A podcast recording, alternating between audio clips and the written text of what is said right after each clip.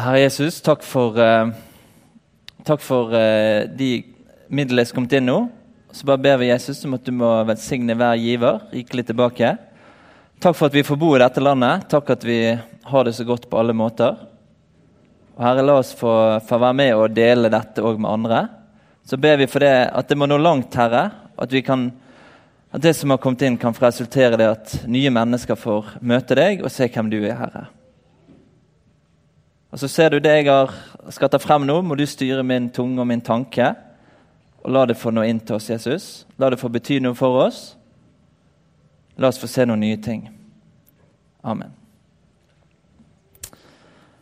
Ja, altså, Det var jo ikke verst å få skryt for powerpointene sine, da. Det likte jeg jo, da. Jeg, det er ikke jeg som er instruert til å si det heller, selv om det kunne jo mistenkes. da. Men denne powerpointen er veldig simpel, så den er ikke representativ liksom for bare sånn. Nei, men eh, Så jeg tenkte det. De tekstene de har lest nå, de er jeg tenker jeg da, er ganske sentrale for det vi har vært igjennom dette året. Og det er de jeg har lyst å, eh, å stoppe litt for. Her var de tekstene de leste. Og gi noen korte glimt, for disse uttrykker noen veldig viktige bibelske sannheter.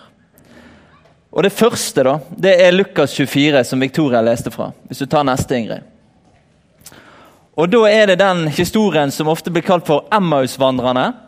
Og Der er det altså to disipler av Jesus som etter at Jesus er død og lagt i graven, så er de på vandring fra Jerusalem og til en annen by som heter Emmaus.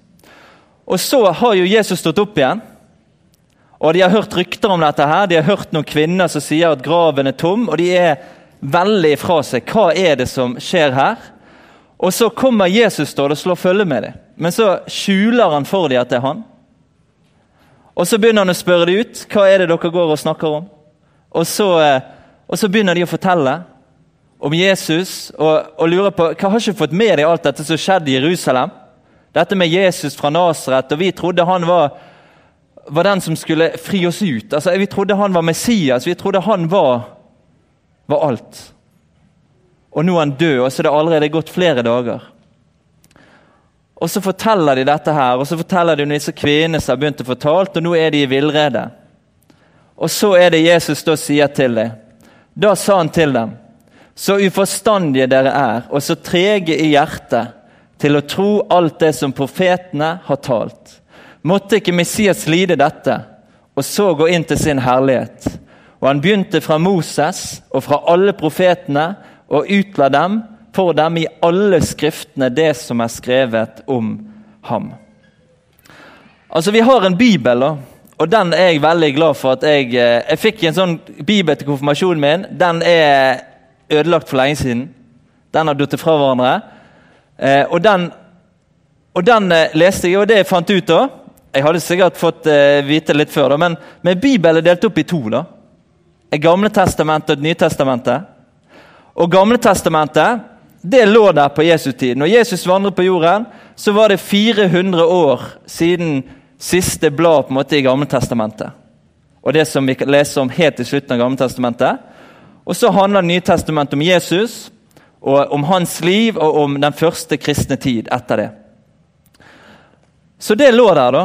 Og ut fra Gammeltestamentet så var det en forventning i folket om at det skulle komme en Messias. Og Så står Jesus frem, og så tenker da en del i folket han her, kanskje han er Messias. Men så ender han opp med å dø på et kors, blir lagt i en grav, og så brister det der helt for dem. Men så gjør Jesus noe her, og det begynner her. Og vi kan se hvordan det fortsetter i apostlenes gjerninger, og hvordan disiplene videre begynner å legge ut Gammeltestamentet på akkurat samme måten. Jesus understreker det, og han gikk igjennom alle skriftene, Mosebøkene, alle oppover gjennom Gammeltestamentet, og viser det som er skrevet om han. Og Det brukte vi en helg på. og Det var den konfirmasjonshelgen vi hadde. Da var vi på tur, og så hadde vi åtte bibeltimer der vi gikk igjennom, eh, der vi gikk igjennom akkurat dette, med utgangspunkt i det, for å prøve å peke på alt det som er gjennom Gammeltestamentet, som forteller om Jesus. Og det som han har gjort, og peker frem mot han. Og da er det sånn, Når du leser Gammeltestamentet, så vil du se at det er en del profetier som er forutsatt ting som skal skje, og som er oppfylt i Jesus mange år seinere. Og så er det personer som har sånne Jesus-likheter. At man ser eksempel, og En veldig sentral en som heter Josef. Som kanskje som er en sånn uh, utrolig flott historie i Gammeltestamentet. Og Når du leser historien om Josef, så er det mange egenskaper med han som ligner på Jesus. Og I tillegg så er det mye som skjer i denne historien som òg er forbilde på ting som skulle skje med Jesus. Og Sånn er det utrolig mange eksempler gjennom Gammeltestamentet. Og Sånn lærte Jesus disiplene å lese. Og sånn har da videre den kristne altså menighet har da fortsatt med dette. Og Det ser du veldig tydelig i brevene i Nytestamentet. Det er dette de er opptatt med. Jesus, hvordan alt handler om han. Han er Bibels røde tråd. Han er den sentrale personen gjennom hele Bibelen. Og Det er utrolig trosstyrkende å, å få øye på. Og det har det vært for meg, og Grunnen til at jeg står her egentlig, og er så overbevist om at dette jeg tror på, faktisk er sant, det har veldig mye med dette å gjøre.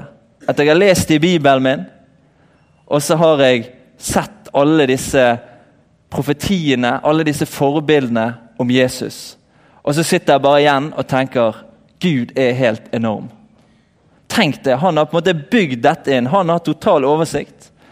Og så har han bygd inn vitnesbyrd om sin sønn, om frelsen i Jesus, gjennom hele historien. Og gjennom Gamle testamentet.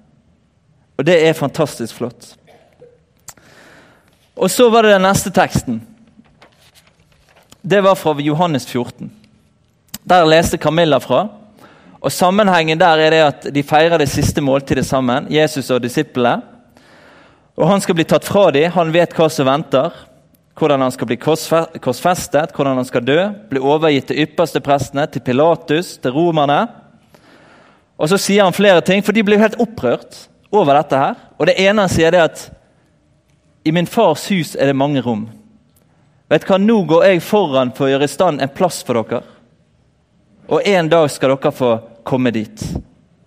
Så sier han det til disiplene sine, og så er det noe som gjelder for oss alle. Alle mennesker, egentlig. Jesus gjør i stand en plass for oss. I det evige, i himmelen. Et rom for deg, et rom for meg. Som vi en dag kan få se.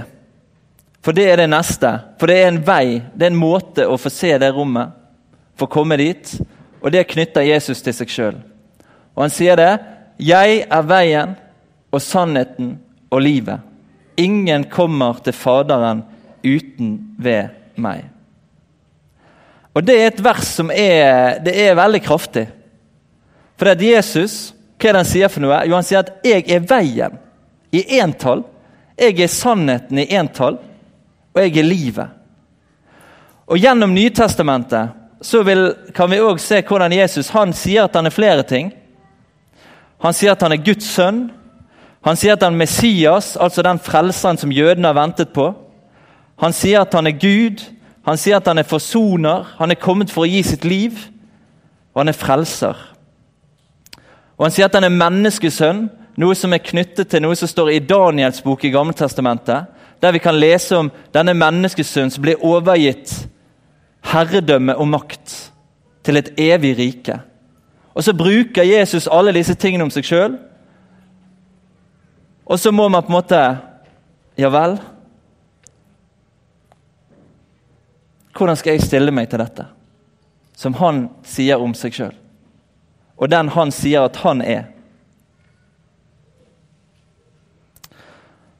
Og da tvinges vi egentlig litt, da. Og sånn er det vært for meg. Da tvinges jeg på en måte til å ta stilling til det. Hvordan skal jeg stille meg til det Jesus sier om seg sjøl? Er det sant? Er Jesus den han sier at han er? Eller er han en bedrager? Og så er det det neste. Og det er fra Matteus 16. Og Det som er situasjonen der, det er at Jesus er sammen med disiplene sine. Så stiller han dem to spørsmål. Og Det første det er spørsmålet hvem sier folk at jeg er? Og Så begynner de å svare. Ja, noen sier eh, døperen Johannes, noen sier Elias, Jeremia. Og Da, da henvises det til sånne store skikkelser i jødenes historie, som har vært før.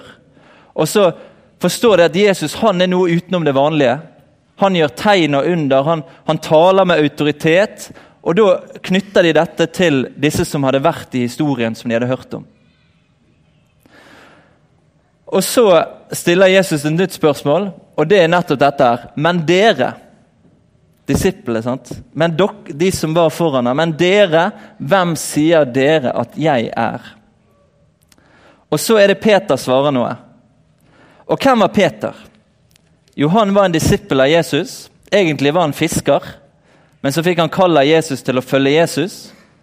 Og Så forlot han fiskegarnene, og så fulgte han etter Jesus i tre år overalt, lyttet til alt det han hadde å si, fikk være sammen med han, Og Peter, Jakob og Johannes, som var tre disiplene, de var òg tre av de nærmeste. Og Det var noen ganger der Jesus på en måte ville vise dem noe ekstra spesielt. på en måte, Eller de skulle få enda dypere innsikt i hvem han var. Så tok han med de tre. Flere eksempler på det. Og etter å ha vært sammen med Jesus så lenge, så tenker jeg at Peter han er en som faktisk er i stand til å kunne svare på dette spørsmålet. Hvem er jeg? Hvem sier du at jeg er? Han kunne svare ut fra erfaring, ut fra kjennskap. Og han er ikke i tvil. Han responderer med en gang. Du er Messias, den levende Guds sønn. Guds sønn, Messias, frelseren skulle komme. Guds sønn. Og så sier Jesus til ham, 'Salig er du'. Og salig det er jo et sånt flott bibelsk ord da, som jeg er veldig glad i. Men det står jo òg for sånn største form for lykke. Og så beskriver det òg en, en, tilstand, egentlig, en stilling. Så det har på en måte flere meninger. Men, men det, det, står det høyeste form for lykke. Og det responderer Jesus med en gang. Når Peter sier dette, her, så sier han Salig er du, Peter. Høyeste lykke i denne verden har du del i. Hvorfor? Jo, fordi han hadde sett hvem Jesus var. Og vet du hva det er jeg faktisk overbevist om? Om at den største lykke i denne verden her, det er å ha fått se hvem Jesus er. Det er det kjæreste jeg har, det er det største for meg. Å ha fått lov å se det som Peter har sett. At jeg kan få bekjenne Jesus er Messias, den levende Guds sønn. Han er min frelser, han er min herre. Han har betalt for meg. Han gjelder for meg. Han er min største rikdom. Og så, Men så sier òg Jesus noe mer. For dette har ikke kjøtt og blod Dette er det ikke kjøtt og blod som har åpenbart dette for deg, men min far i himmelen.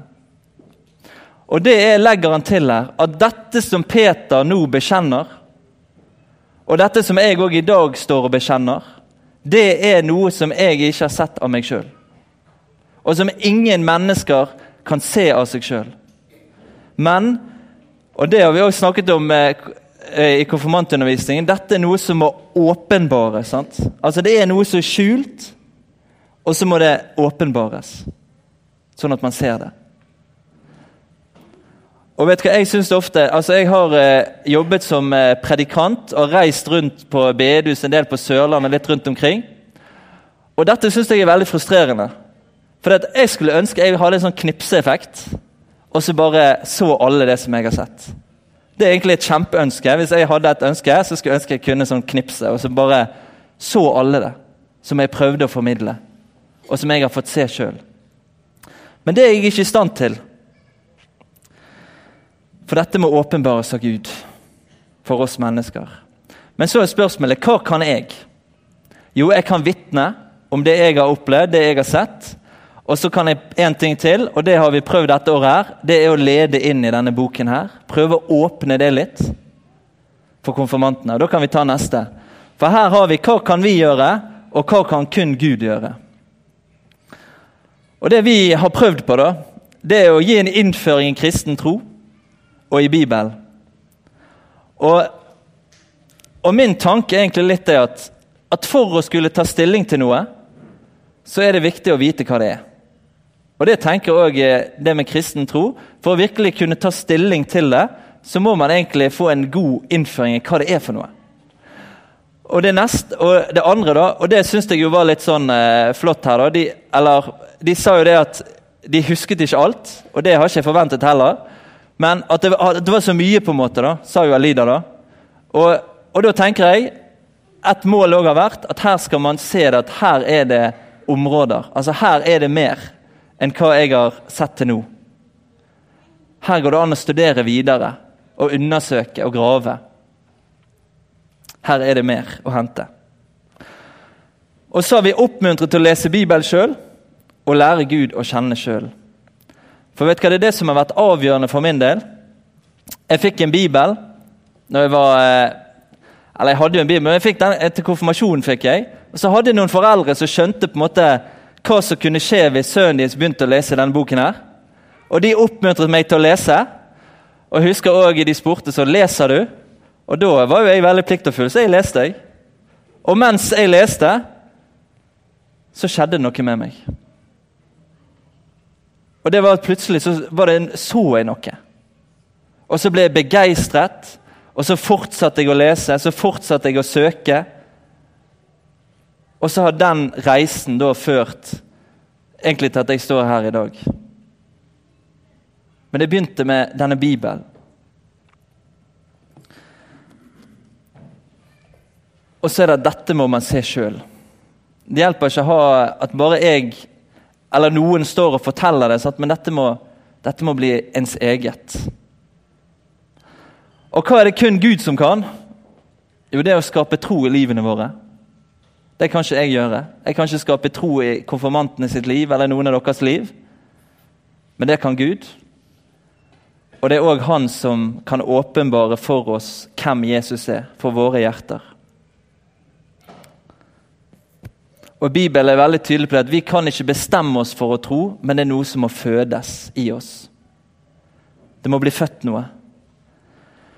Og det å virkelig få se hvem Jesus er, det er det òg Gud som må ordne. Og da Når vi tenker på å se hvem Jesus er, da handler det om å se det at han er den han sier at han er. Å se det at jeg trenger han, jeg har behov for han i mitt liv. At det han har gjort, det han gjorde på Golgata kors, det gjelder for meg. Altså Hvis du ser det for din egen del, da har det skjedd noe med deg. altså. For det ser ikke et menneske av seg sjøl. Men det har blitt åpenbart. Og Hvordan gjør Gud dette? her? Da sier også Bibelen Han bruker ordet sitt, han bruker forkynnelsen som sånn åpenbaringsmiddel. Og så er det sånn Når vi er i møte med dette her, og forkynnelse sånn som dette, og i møte med Bibelen, så kan det skje at det åpner seg. Og så skapes det noe i livet av Gud.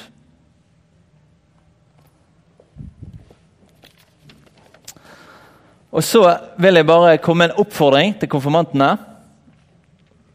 Og Det første det er det at å være i kontakt med de møteplassene der Gud har lovet å møte oss, åpenbare oss, bare seg. Og Det ene det handler om dette som jeg understreker. Forkynnelsen, det å høre forkynnelse, det å lese i Bibelen. For Det står det i Romane 10,17 at troen kommer ved forkynnelsen. Og forkynnelsen en hører, kommer ved Kristi ord, ved Bibelen. Og Det kristne fellesskapet er det knyttet veldig løfte til. Det å være sammen som kristne. Det står det i Matteus 18,20 at når to eller tre er samlet i mitt navn, altså i Jesu navn, så er Jesus der. Og Det er sånn vi kan få erfare når vi kommer sammen. Jesus er her, møter oss. Og Så blir det også understreket i Apostelens gjerning kapittel 2. Der blir det sagt fire ting som ofte blir kalt for de fire b-ene, som de første kristne. Det står at de holdt urokkelig fast på det. Urokkelig. Og det var, det var Bibel, det var bønne, det var brødsbrytelsen, som er nattverd, og broderfellesskapet, som er det kristne fellesskapet. Og Det er sånne plasser, det er sånne kraftkilder, det er sånne møteplasser som det er viktig å benytte seg av. Og det som skjer det er at Da kan stadig Herren få åpenbare seg for oss, fornye oss og vise oss nye ting. Så kan vi vokse i nåde og kjennskap til Han. Og så er det det neste. det er det Bli hos Jesus og lev med Han hele livet. Det er at jo eldre jeg har blitt og vet hva, Nå skal jeg avslå noe. Jeg er 30 år i dag, faktisk. Men jeg trenger ikke det sånn, men Og, og da eh, Ifølge konfirmantene, da, for nå bare ta en sist, sist eh, konfirmantgang her, så, så lagde jeg pizza. og Så skulle vi kutte opp pizzaen. Og så var det så dårlig det der pizzahjulet, så da dro jeg frem saksen. Og så sa jeg det. Det funker jo fett å bruke saksen. Men vet du hva, da ble jeg arrestert. For et, sånt uttrykk kan jo ikke en voksen mann bruke. da. Så det har jo skjedd noe da, som jeg ikke helt har blitt oppmerksom på sjøl. Jeg skjønner det er noen ord jeg ikke kan bruke lenger. Eh, og jeg har blitt voksen. Og jo mer, jo mer, og mer voksen jeg blir, da, jo mer blir det klart for meg at det beste av alt i denne verden her, det er å høre Jesus til. Og det har jeg lyst til å si, og det tror jeg jeg har prøvd å sagt til dere før òg. Og det å leve med Han Jeg kan ikke tenke meg noe større jeg kan ikke tenke meg noe rikere. Og det må jeg anbefale alle på det sterkeste. Den rikdommen som Jesus gir, den er, har jeg i hvert fall ikke opplevd noe annet som kan sammenlignes med. Og det er jeg utrolig takknemlig for at jeg får lov å tilhøre Han. Og så siste, da. Gud velsigne dere med et bilde. Og så vil jeg bare be litt. Herre Jesus, takk for eh, muligheten til å få vitne om deg her. Takk for den du er, Jesus. Takk at du er veien, sannheten og livet. Takk at du er den du sier deg å være. Takk at du har betalt for oss. Du har gitt ditt liv for oss, Herre, for å sone vår synd og åpne veien til himmelen for oss. Og så er det utrolig stort å ha fått se dette og få leve i det. Og så bare ber jeg for oss alle at alle her må få se det, Jesus. Det er mitt største ønske. At alle kan få erfare hvor god du er, hvor stor du er, og hvor rikt det er å få tilhøre deg. Så ser du disse konfirmantene som sitter her. Velsign hver og en av dem. La de forbli hos deg og leve med deg helt de en dag skal få se det rommet som du har gjort i stand for hver og en av dem. Det ber jeg for ditt navns skyld. Amen.